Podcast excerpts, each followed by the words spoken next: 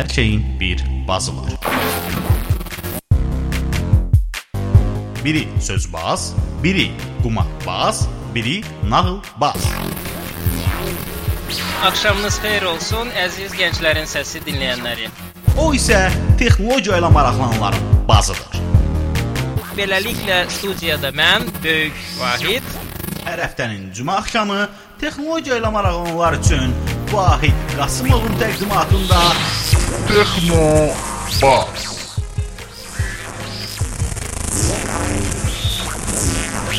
texnologiya ilə bağlı hər şey. Texnobazda. Hər vaxtınız xeyir olsun əziz gənclərin səsi dinləyənləri. İl 2013, yanvarın 17-si günlərdən cümə axşamıdır. Saat 21:15-i göstərir. Beləliklə Texnobaz verilişi Gənclərin Səsi radiosunun efirindədir. Bizi ilk dəfə dinləyənlərin nəzərinə çatdırmaq istəyirəm ki, Gənclərin Səsi radiosunun efirindəki Texnobaz verilişi texnologiya dünyasına marağı olan gənclərə dünyadakı texnologiyalar haqqında yeniliklər barədə məlumat veririk. Cənab prezidentimizin 2013-cü ili İKT ili elan etməsi verilişimizə olan maraq və qayğısının bir göstəricisi olaraq qiymətləndiririk və təşəkkürümüzü bildiririk. Özümüz də fərqində olmadan Texnobazın 13-cü verilişini keçən həftə ötürdük. Hal-hazırda artıq nəs olmayan 14-cü verilişə başlayırıq. Əvvəlki efirlərə qulaq asa bilməmisinizsə, Ə, əvvəlki verilişləri ə, Gənclərin Səsi radiosu və GSR FM saytındakı arxivində tapıb dinləyə bilərsiniz. Əvvəlki verilişlərimizdə qulaq asdıqdan sonra başa düşə bilərsiniz ki, efirdə texnologiya dedikdə mobil texnologiyalar, kompüter dünyası, milli və beynəlxalq İKT hadisələri, internet kimi mövzular səslənir. Keçən həftə məhz ə, internetdə alış-veriş etməklə pullarınızı necə xərcləyə biləcəyiniz haqqında söhbət etmişdik. Bu həftə isə ə, internetdən necə pul qazana biləcəyiniz haqqında ə, danışacağıq. İnternet radiosunda elə məhz internet haqqında yox, internetin bünövrəsini təşkil edən veb saytları yaradan insanlar və veb saytların yaradıldığı veb studiyalar haqqında danışacağıq. Beləliklə, bugünkü Texnobazın efirində ə, verilişimizin mövzusu ə, milli veb studiyalardır və qonağımız məhz webstudia.az ə, saytının və milli veb studiyalardan birinin sahibi. Cahid İsmailoğlu. Zəhmət olmasa özünüzü təqdim eləyin. E, Cahid İsmailoğlu adətən e, məni e, mətbuatda informasiya texnologiyaları üzrə ekspert, mütəxəssis kimi tez-tez təqdim eləyirlər. E, amma bu informasiya texnologiyaları anlayışı e, bilirik ki, geniş bir e, anlayışdır. Veb saytlar, veb studiyalar bu e, məkanın, bu informasiya texnologiyaları anlayışının e, bir hissəsidir. E, təbii ki, ən maraqlı hissəsidir. Bu geniş bir sahə olduğu üçün e, bu e, çalışmaq lazımdır ki, e, bu sahənin bir qolu, bir dalı ilə e, sırf məşğul e, olub və daha gözəl, daha konkret nəticə e, əldə etmək e, lazımdır. E, mən də e, qeyd etdiyiniz kimi e, veb saytlarının hazırlanması ilə e, məşğul olan və bir web studiya e, qrupu yaratmışam və bu qrupda e, veb saytlar e, istehsal edirik e, və e, ilk olaraq e, bizim əsas məqsədimiz bu qrupu yaratmaqda şəxsə şəxsən mənim əsas məqsədim biznes e, məqsədim olmayıb, yəni pul qazanmaq olmayıb. E, bu e, burada e, biz bilirik ki, müəyyən məsələlər var ki, e, diaspora olsun, Qarabağ problemi olsun, e, erməni vəhşiliyin dünyada e, təbliği olsun. Bu sahələri mən düşündüm ki, internet vasitəsilə daha e, geniş kütləyə çatdıra bilərəm, daha effektiv nəticə əldə edə bilərəm. E, ona görə e, başladım. Eyni zamanda e, Azərbaycan çox bilir ki, e, zəngin ədəbiyyatı var, zəngin mədəniyyəti var. E, bunu e, dünyaya çıxartmağa e, ehtiyac e, duydum. Hardasa bir e, 7-8 il bundan qabaqki söhbəti mən danışıram. Və bu e, ehtiyacdan irəli gələrək e, mən e, necə düşündüm ki, e, bu e, həmən bu düşündüyüm məsələləri dünyaya daha operativ, daha effektiv çatdıram və sırf ixtisasımdan kənarda olan bir sahə olan bu veb saytların e, istehsalı e, e, gördüm, e, öyrəndim. Nə yaxşı və... qonaqsınız. Sual verməyə ehtiyac olmur. Bəli, sual bəli, verirsiniz, ondan sonra siz siz biraz e, konkret Mən biraz Necə- necə oldu ki? ə, sualı ə, internetdə Cahit İsmayıloğlu ə, axtarışı verdiyin zaman qabağına çıxan ilk sayt Wikipediyadakı səhifə olur və Bəli. burada yazılır ki, Cahit İsmayıloğlu Azərbaycan Milli Elmlər Akademiyasının Nəsimi adına Dilçilik İnstitutunda kilçik elmi işçidir. Ondan sonra oxuyuruq ki, sizin əsl ə, ixtisasınız dilşünaslıq Türkoloq. istiqamətinin türkologiya ixtisasıdır. İxtisaslaşdığınız mövzu ə, Mahmud Qaşqayının Divadin Lüğati Türk Bəli, əsəridir və s. və laxır. Bunun ə, internetə, veb dizayna və s. nə dəxlisi var? İndi mən elə e, söhbətimdə elə başdan dediyiz uzun danışdım. Aha. E, söhbətimdə elə ora gəlirdim. Hansı mən bir sadaladığım məsələlər var ki, Azərbaycan ədəbiyyatı, Azərbaycan diasporası, Azərbaycan mədəniyyəti bunları dünyaya çatdırmaq üçün mən e, 4-5 il bundan qabaq, e, 6 il bundan qabaq, dəqiq yadımda deyil, bir vasitə axtarırdım. Yəni mən bir dilçi kimi, Mhm. e, bir türkoloq kimi e, eyni zamanda bu informasiya texnologiyaları vasitəsilə həmin bu qeyd etdiyim məsələləri dünya çat dünyaya çatdırmaq, daha geniş kütləyə çatdırmaq üçün e, müəyyən vasitələr axtarırdım və internetin nə qədər effektiv e, bir vasitəyə malik olduğunu dərk elədim və başladım bu texnologiyaları biraz kustar yoluna öyrənməyə başladım. Və sonradan- Beləliklə veb dizayna marağı olanlara deyə bilərik Bəli. ki, əgər türkologiya oxuyursunuzsa Tək belə, texnologiya yox. jurnalistika da ola bilər. Bəli. Ondan sonra nə bilim, başqa nə ola bilər? Başqa adi e, jurnalistlər, tarixçilər, Tarixçilər və s.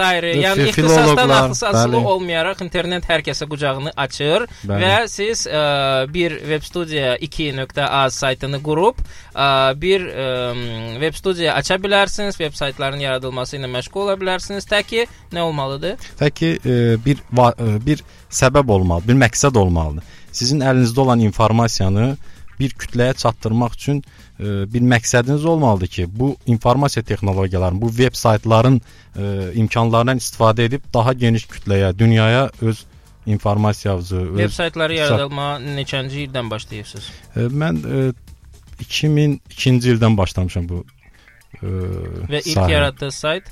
E, ilk yaratdığım sayt e, ədəbiyyat portalı olub. Aha. və ə, ədəbiyyat haqqında o vaxt universitetdə oxuyanda, tələbə olanda müəllimlərimin, ə, tələbə yoldaşlarımın məqalələrini ə, o vaxt ə, ikinci dərəcəli ə, saytlar vardı ki, bunlar pulsuz imkanlar verirdilər. Məsələn, adını çəkə bilərəmmi efirdə? Əlbəttə ki. Hə bu Bomru var idi, Narodru var idi, Aha. Bayru, Aha.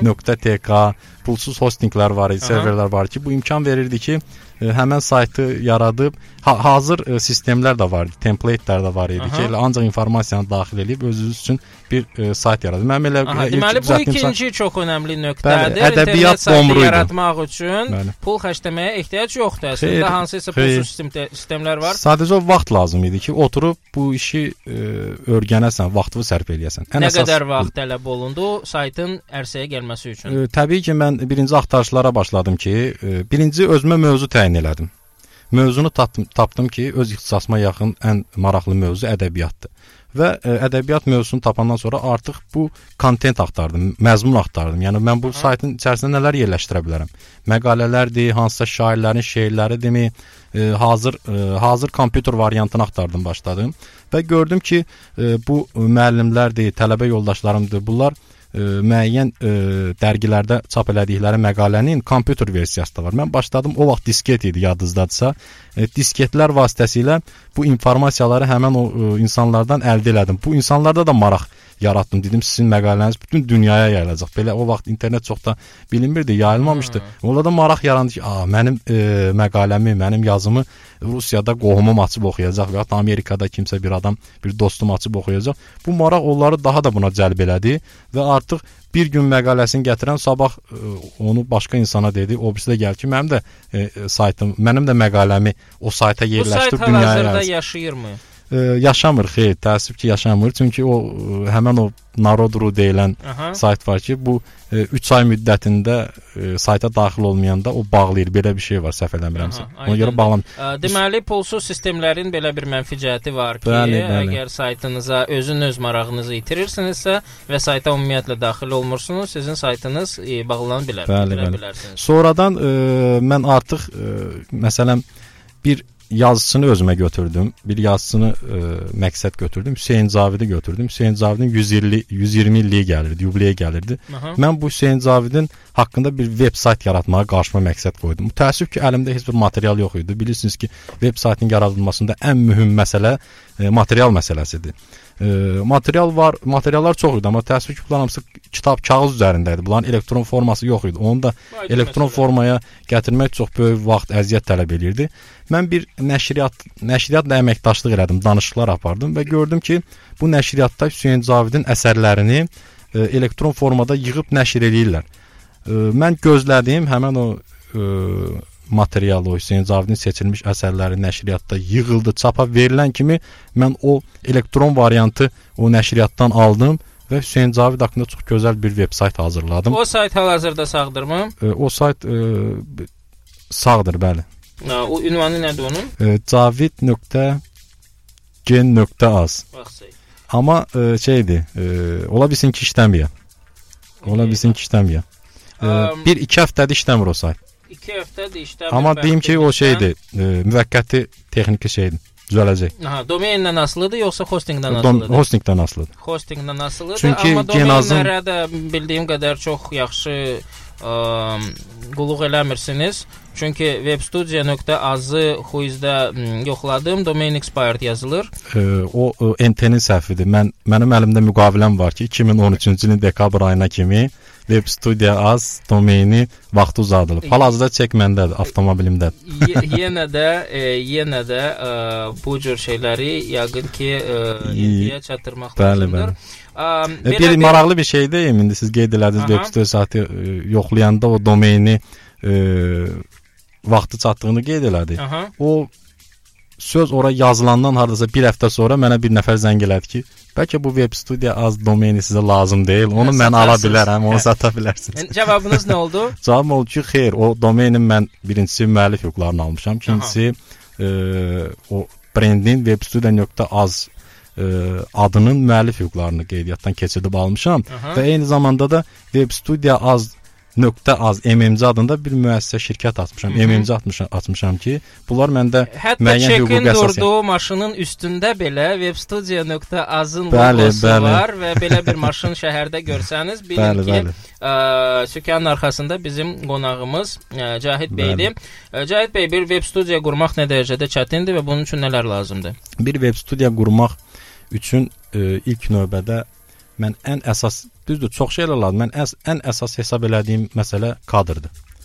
E, çünki e, bu dəqiqə bilirik ki, bir çox kadrlar var ki, proqramistlər var, dizaynerlər var ki, onlar heç də web studiya qurmayıblar, amma çox gözəl şəkildə işlər görürlər və ortaya e, çox qəşəng layihələr qoyurlar. Nəticəsini də görürlər. Bu dəqiqə ən Azərbaycanda ən böyük problemlərdən biri kadr çatışmamazlığıdır. Eyni zamanda bu e, ikinci bir məsələ də bu kadrların hamısını bir yerə yığıb o sistemi təşkil eləməkdir. Məsələn, e, elə olur ki, Neçə dənə Dizayner- kadr lazımdır ki, kiçik studiya təşkil edək? ilk növbədə dizayner lazımdır. Nə Bu dizayneri? dizayner heç də e, kompüter e, texnologiyalarını heç də bilməsə də olar. Sadəcə ola bilər Photoshopda və ən əsası bu dizaynerin rəssamlıq, yaradıcılıq qabiliyyəti olmalıdır ilk növbədə. Ə, necə olur? Əgər rəssamlıq qabiliyyətim var, tutalım ki, ə, kompüterin üzünü ümumiyyətlə görməmişəm, bir dizayner ola bilərəm. E, məsələn mənim e, tanıdığım bir dizayner var ki, o Hı hı. Photoshopdan başqa heç bir proqram bilmir. Windows bilir, kompüterə Windows yazmaq, bəli, Photoshop bilir Corel bilir. O çox gözəl veb saytlar dizayn edir, amma desəniz ki, bu kompüter format elə ona Windows. Bəs yaxşı, mən bilməz. tutalım ki, Corel-da vizitka düzəldə bilirəmsə, ondan sonra Photoshop-da nə bilim şəklə bığ çəkə bilirəmsə, mən ə, veb saytın dizaynını eləyə bilərəmmi? E, əgər sizdə rəssamlıq, yaradıcılıq qabiliyyəti yoxdursa, Mhm. e, təəssüf ki, edə bilməzsiniz. Tam professional, tam gözəl bir Yox, bığ çəkə bilirəmsə deməli var. O e, yenə Yəni əgər- dizaynerin müəyyən bir xüsusiyyəti varmı? Normal o bığa dizaynerdən baxmaq lazımdır. Yəni bığa. bığa baxıb qərar vermək lazımdır. Aha.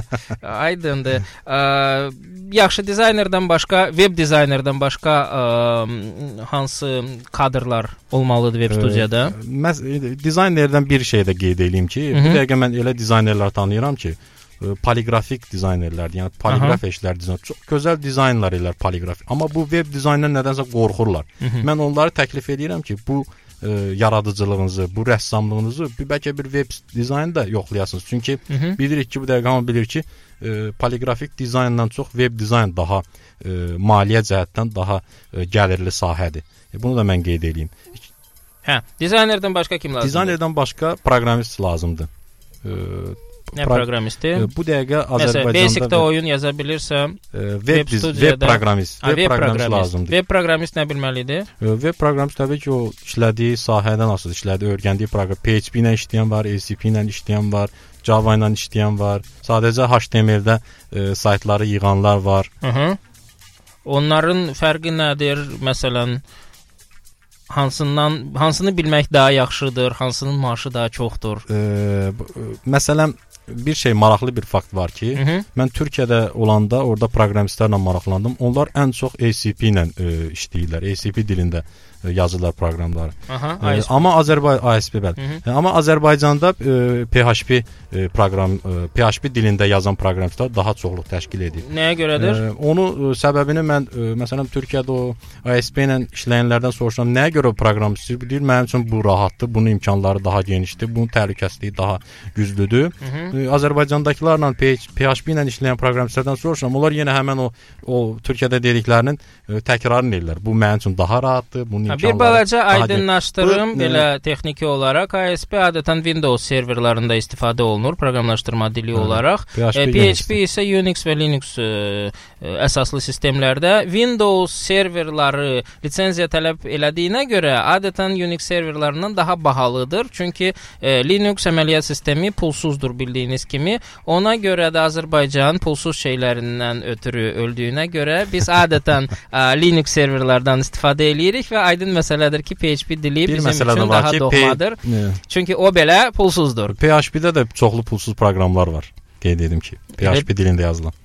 Yəni Unix-in pulsuz olmağı yox. Sırf PHP-də e, yazılmış hazır, Hazır e, skriptlər, skriptlər bəli. internetdə nə qədər desəniz var. Hə, proqramçını da belə ə, saxladıq. Yəqin ki, proqramlaşdırma dilindən başqa bir də verilənlər bazalar haqqında da məlumat Bəli, olmalıdır hökmən.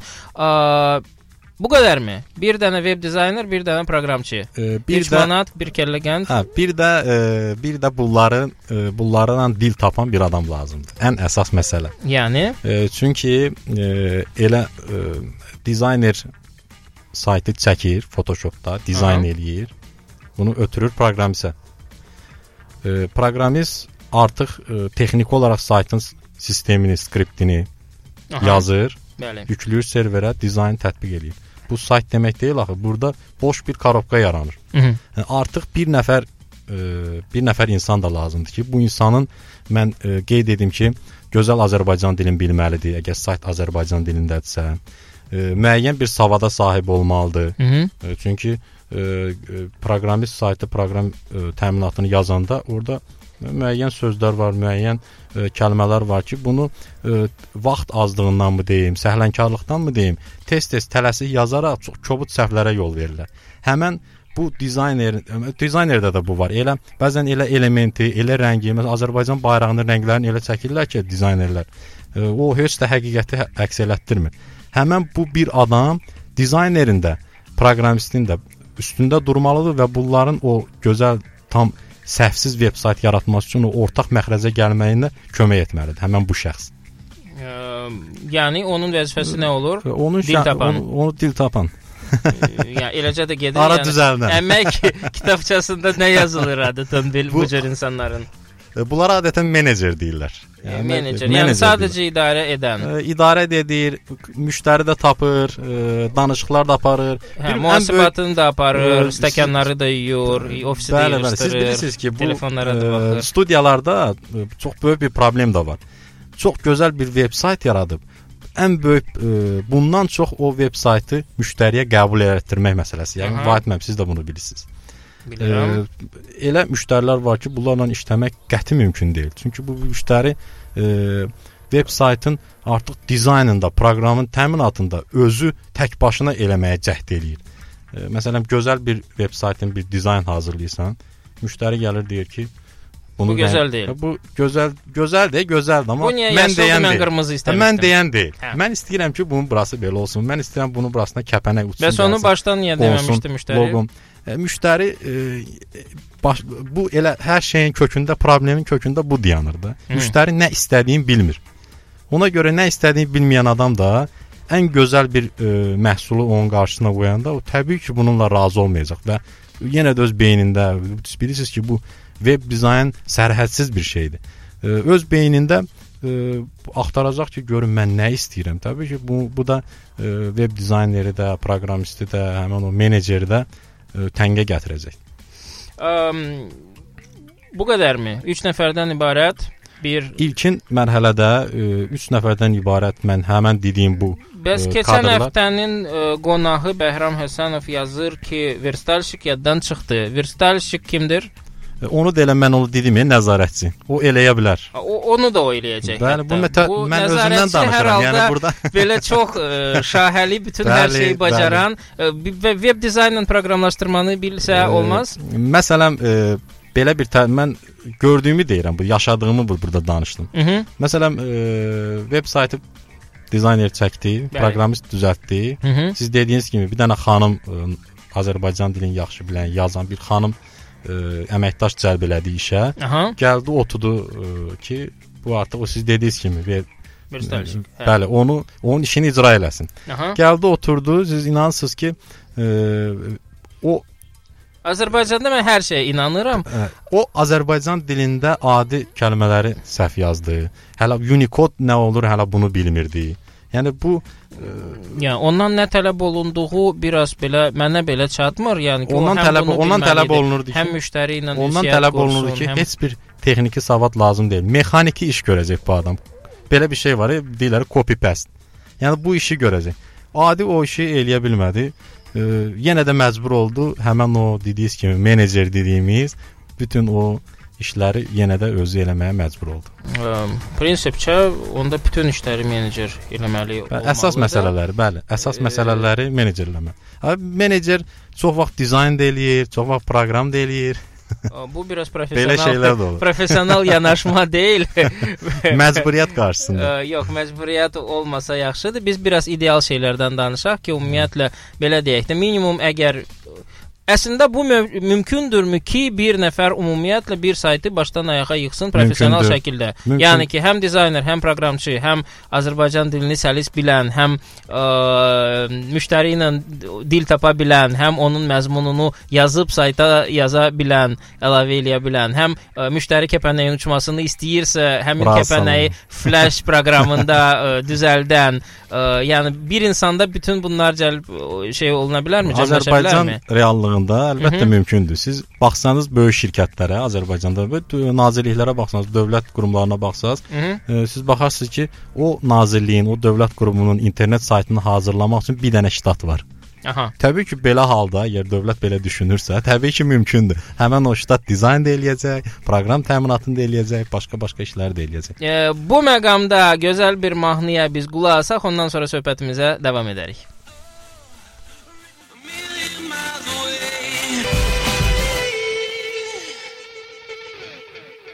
Beləliklə Texnobaz verilişi davam edir. Yadınıza salmaq istəyirəm ki, bizim bugünkü mövzumuz web studiyalar ə, haqqındadır və studiyamızın qonağı Cahid İsmailoğludur. Ə, web studiya açmaq çox asan imiş. Onun üçün heç nə lazım deyil. Ə, Bir nəfər bütün hər şeyi bacarsa kifayətdir. Bir nəfərin bütün hər şeyi bacarması üçün o m, bacarılması e, tələb olunan şeyləri hardan necə öyrənə bilər? Nə məsləhət görərsiniz? Təbii ki, indiyə kimi dediyim məsələlər hamısı e, istək məsələsidir. Deyirlər, e, istəmək e, işin yarısıdır.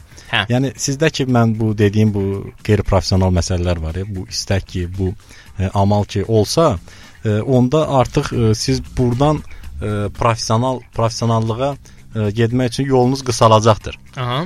Həmən e, bu konkret məsələləri, bu bünövrəni biləndən sonra təbii ki, artıq indi biz verilişimizin ikinci hissəsidir. Hə, indi artıq burada biz e, tam professional veb studiyadan, tam professional veb saytlardan danışa bilərik. danışaq.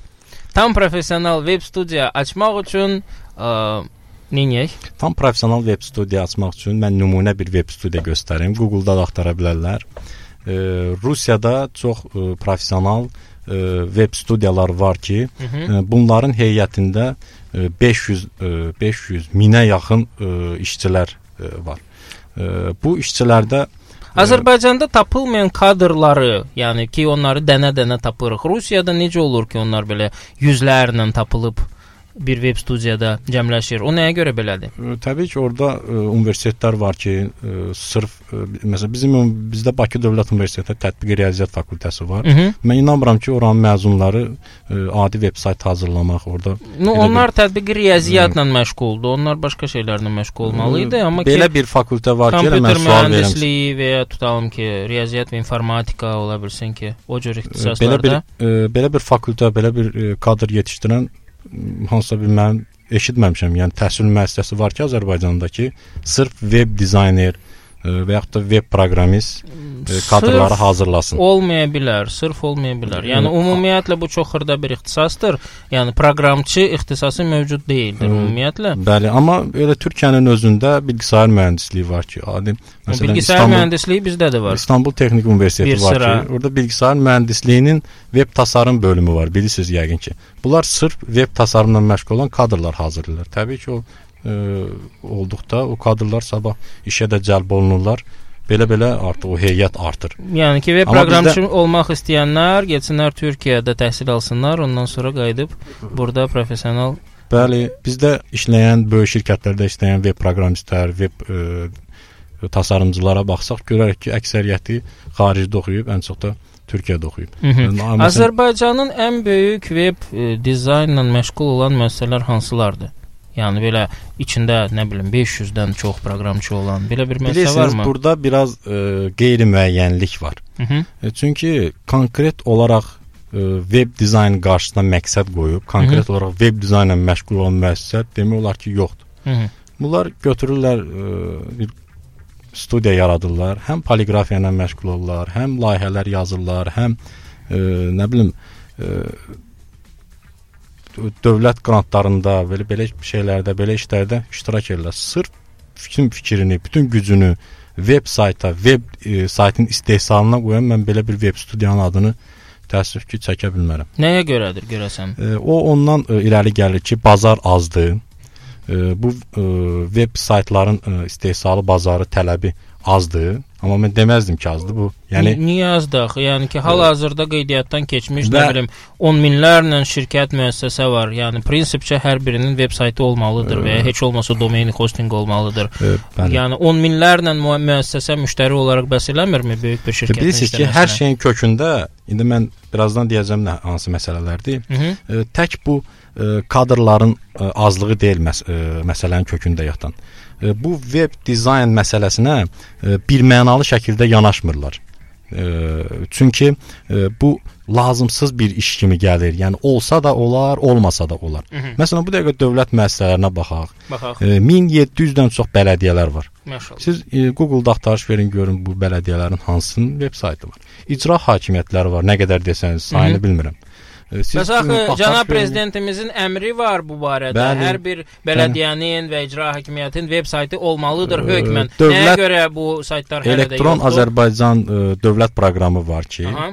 bu dövlət proqramının müd müddalarını oxusaq biz görərik ki, hər bir dövlət qurumu Bəli. özünü idarə etmə orqan, bələdiyyələr, icra hakimiyyətləri veb saytlarını 2009-cu ilə qədər istifadə e, istifadəyə verməlidirlər. Tək veb saytın istifadəsindən söhbət getmir burada. Veb saytı hazırlayıb internetə yükləmək bu iş deməkdir. Bu işin hələ yarı hissəsidir. Veb saytı hazırlamaq və əhali ilə veb sayt arasında bir növ o körpünü, o əhalinin veb saytdan necə istifadə edib həmin o dövlət qurumunun imkanlarından istifa imkanlarından istifadə etməyinin asanlaşdırmağın yolunu tapıb həmin bu dövlət qurumları ortaya qoy qoymalıdır. Təəssüf ki 2009-cu ildə bu müddət başa çatır. Sonra 2012-ci ilə kimi uzadıldı. Aha. Yenə başa çatdı. E, Təəssüf ki, hələ ki bu bələdiyyələrdir, icra hakimiyyətləridir, bəzi əksər nazirliklərdir. Bunların hələ heç adi Yadınıza internet saytları yoxdur. istəyirəm ki, hal-hazırda artıq 2013-cü ildəyik. Ə, yəni ki, başa çatma e, dövründən artıq e, 4 il 4 il keçir və e, ölkə başçısı bu yaxınlarda xəbəriniz var ki, 2013-cü il informasiya kommunikasiya texnologiyaları ili Hı -hı. elan etdi. Bir şey dəyişəcəkmi? E, mən biraz düşünürəm ki, bəlkə də ölkə başçısı son Çünki son şans verdi. 4-5 il bundan əvvəl də İKT ə, marağı ə, çox olan ə, mövzular arasında seçilmişdi. Bəli, bəli. Maraqlı mövzular arasında, amma ki marağını ə, biz məsələn hiss edə bilmədik. Bəlkə də bəlkə də ölkə başçısı həmin bu qurumlara 2013-cü ilin İKT ili elan olunmasını ə, bildirdiyi üçün bu qurumlara bir şon, son ə, şans verməyə kimi mən qiymətləndirirəm məsələn. İndi gözləyək görə 2013-cü ildə həmin bu qurumlar nə oldu? Mən bir dəqiqə qeyd elədim, e, bu bazar olmalıdır. O ə, 1700-dən çox bələdiyyələr Aha. əgər tender elan eləsələr, Hı -hı. ə, veb saytlar o tenderdə ə, iştirak eləsə, veb studiyalar o tenderdə ə, iştirak Bəli. eləsə, siz görün nə qədər bir bazar açılar. Bəli, bəli. Bundan başqa ə, Azərbaycanda veb, veb saytların həmin o özəl şirkətlər deyilsə, minlərlə özəl Aha. şirkətlər var. Onlar arasında əgər sağlam rəqabət olsa, Hı -hı. onda siz görün nə qədər internet saytı sifarişi gələr həmin veb studiyalara. Təbii ki, bu qədər bazar olan bir bir Azərbaycanda bu dəqiqə ə, o qədər ağıllı fikirləşən marketinqlər var ki, ə, təbii ki, görəcəklər ki, bu sahəyə tələbat var. Bu sahədə belə loru de, dildə desək, pul var. Ümid eləsək ki, diqqət bu il yetirəcəklər. İKT ili elan olundu və bütün bələdiyyələr qaça-qaça gedəcəklər tender elan açmağa, Bəli. veb sayt yaratmaq üçün. Deməli, veb studiyalara ehtiyac olacaqdır. Bu bir fürsətdir ki, Bəli, cəmaət bəli. bu dəqiqə qaça-qaça getsin veb studiya açmaq üçün. Ümumiyyətlə Azərbaycanda hal-hazırda veb studiyaların sayı təxminən nə qədərdir ki, rəqabət neçə ə, müəssisəsə arasında olacaq təzəsi açılsa? Bir 10 ona yaxın veb studiya saya bilərəm mən burdan. Konkret məndə elə bir rəqəm yoxdur ki, neçə veb studiya var. Ona yaxın veb studiyalar var. Onların hamısı belə 2 nəfərdən ibarət veb studiyalardır, yoxsa biraz Əksəriyyəti iri bu, olanlar yenə da var? dedim, iri veb studiyalar var, amma bunlar tam veb dizaynla məşğul olmurlar. Bunlar Hı hı. poliqrafiya ilə də məşğul, bu veb dizaynda, bunlar serverin işi ilə bu hostinqdə satırlar, Aha. domen də satırlar. Yəni ki, Sırf veb dizaynla, veb saytın istehsalı ilə məşğul olan studiya yoxdur. Məsələn, mən araşdırmam nəticəsində görmüşəm ki, Rusiyada bir veb studiya var ki, adı veb studiyadır, amma heç veb proqram proqramlaşdırma işi ilə məşğul olmur. O ancaq saytı çəkir, verir. Hı -hı. Get başqa yer, başqa e, proqramlaşdırma, Yəni sadəcə dizayn proqram məşğul. görürlər. Sadəcə dizayn, sadəcə ə, çəkirlər saytı və təqdim edirlər ora. Maraqlıdır. Bu, bunların da heyəti onda rəssamlardan ibarət. Bizdə elə bir müəssisə hal-hazırda xeyr, hə, hələ bizdə heç deyil. ə, bizdə hələ heç o normal ə, veb studiyanın o tələblərinə ə, əməl edən müəssisə yoxdur. Aydındır. Bir sual ə, daha. Ə, bu web studiya işi məsələsi ə, prinsipcə mənim xoşuma gəldi. Ə, bir web studiya açsaq, tenderdə iştirak eləsək və Bəli. ə, nə qədər pul qazana bilərik? Məsələn, bir veb saytın qiyməti nə qədərdir? Biraz cəmaatı Siz çox maraqlı məsələlər açırsınız. Əlbəttə. Bunların hamısını eyni anda açırsınız amma. Artıq veb studiyaya verilən həmin o maliyyənin başqa bir mövzudur. Ölkəmizdə bu dəqiqə veb dizayn sahəsinə yenə də deyirəm dırnaqarası bir sahə, ə, lazımsız bir sahə kimi baxıldığı üçün təbii ki, bu sahəyə yetərli ə, maliyyə üçün də maliyyə vəsaiti də ayrılmır. Məsələn, ə, bir adını çəkdiyim o bələdiyyələr var. E, Və biz getsək bələdiyyəyə təklif eləsək ki, gəlin sizin veb saytınızı hazırlayaq. Aha. Bələdiyyə deyəcək ki, bilirsiniz, e, bizim qurumda, e, bizim büdcəmizdə veb sayt hazırlamaq üçün heç bir vəsait ayrılmayıb. Aha. Gəlin mən sizə bir 100 manat verim, Aha. 200 manat verim, öz cibimdən verirəm. Nəzərə vah. Ha, Gedin e, bizim bir də bələdiyyəni veb saytını hazırlayın da.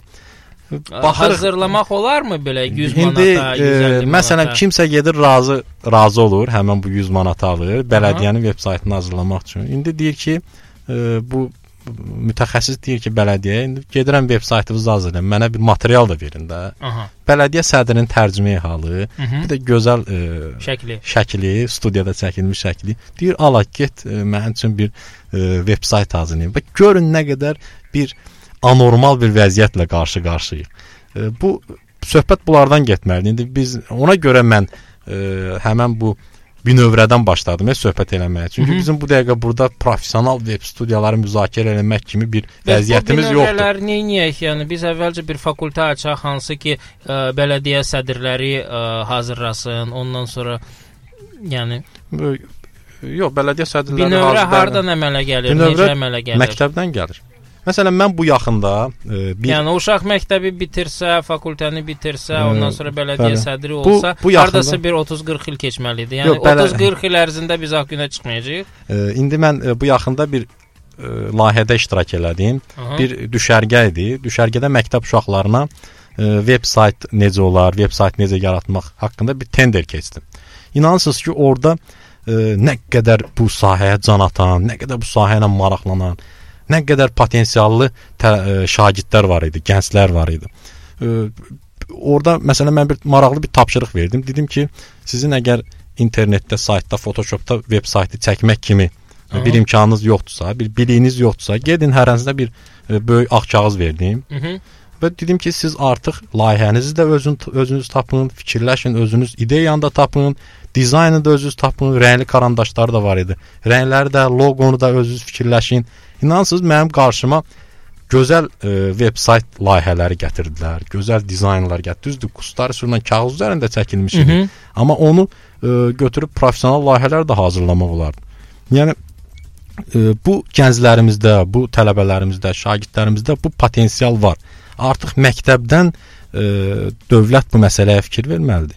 Həmin bu internetdən istifadə, istifadəni, internetdən necə e, internetdən istifadədən başqa inter, informasiya texnologiyalarında bir e, bir istehsal da var da. Həmin bu istehsalda biz hansı kadrları, hansı üsullarla, hansı imkanlarla hazırlamalıyıq, onu düşünmək, onun strategiyasını e, qurmalıyıq. Təbii ki, burada mənə elə gəlir ki, Təhsil Nazirliyi maraqlı olmalıdır. Təhsil Nazirliyi bu haqqda fikirlə, fikirləşməlidir. Çünki biz deyirik ki, e, informasiya texnologiyaları bizim üçün belə bir mühüm vasitədir. İndi nə, nə qədər e, xaricdən e, hazır o informasiya texnologiyalarının hazır məhsullarını biz alıb nə vaxta kimi özümüzə tətbiq eləyəcəyik. Qalsın bu hazır məhsulları alıb tətbiq eləyirik.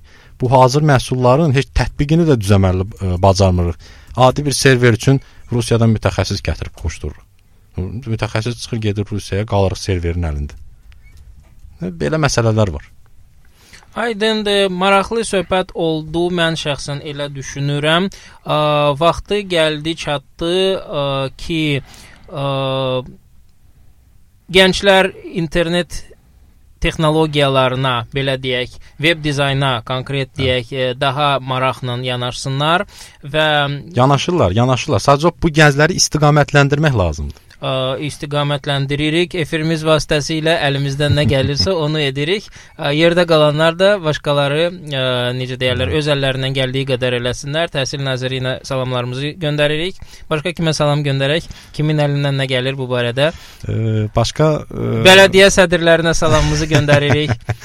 müəssisələrin rəhbərlərinə ə, Mən tərəfdarıyam ki, bizi dinləyən hər kəsə elə salam göndərək burada. Ə, dinləyən hər kəsə salam olsun. Amma mən əminəm ki, o bələdiyyə sədrləri indi bizi dinləmir.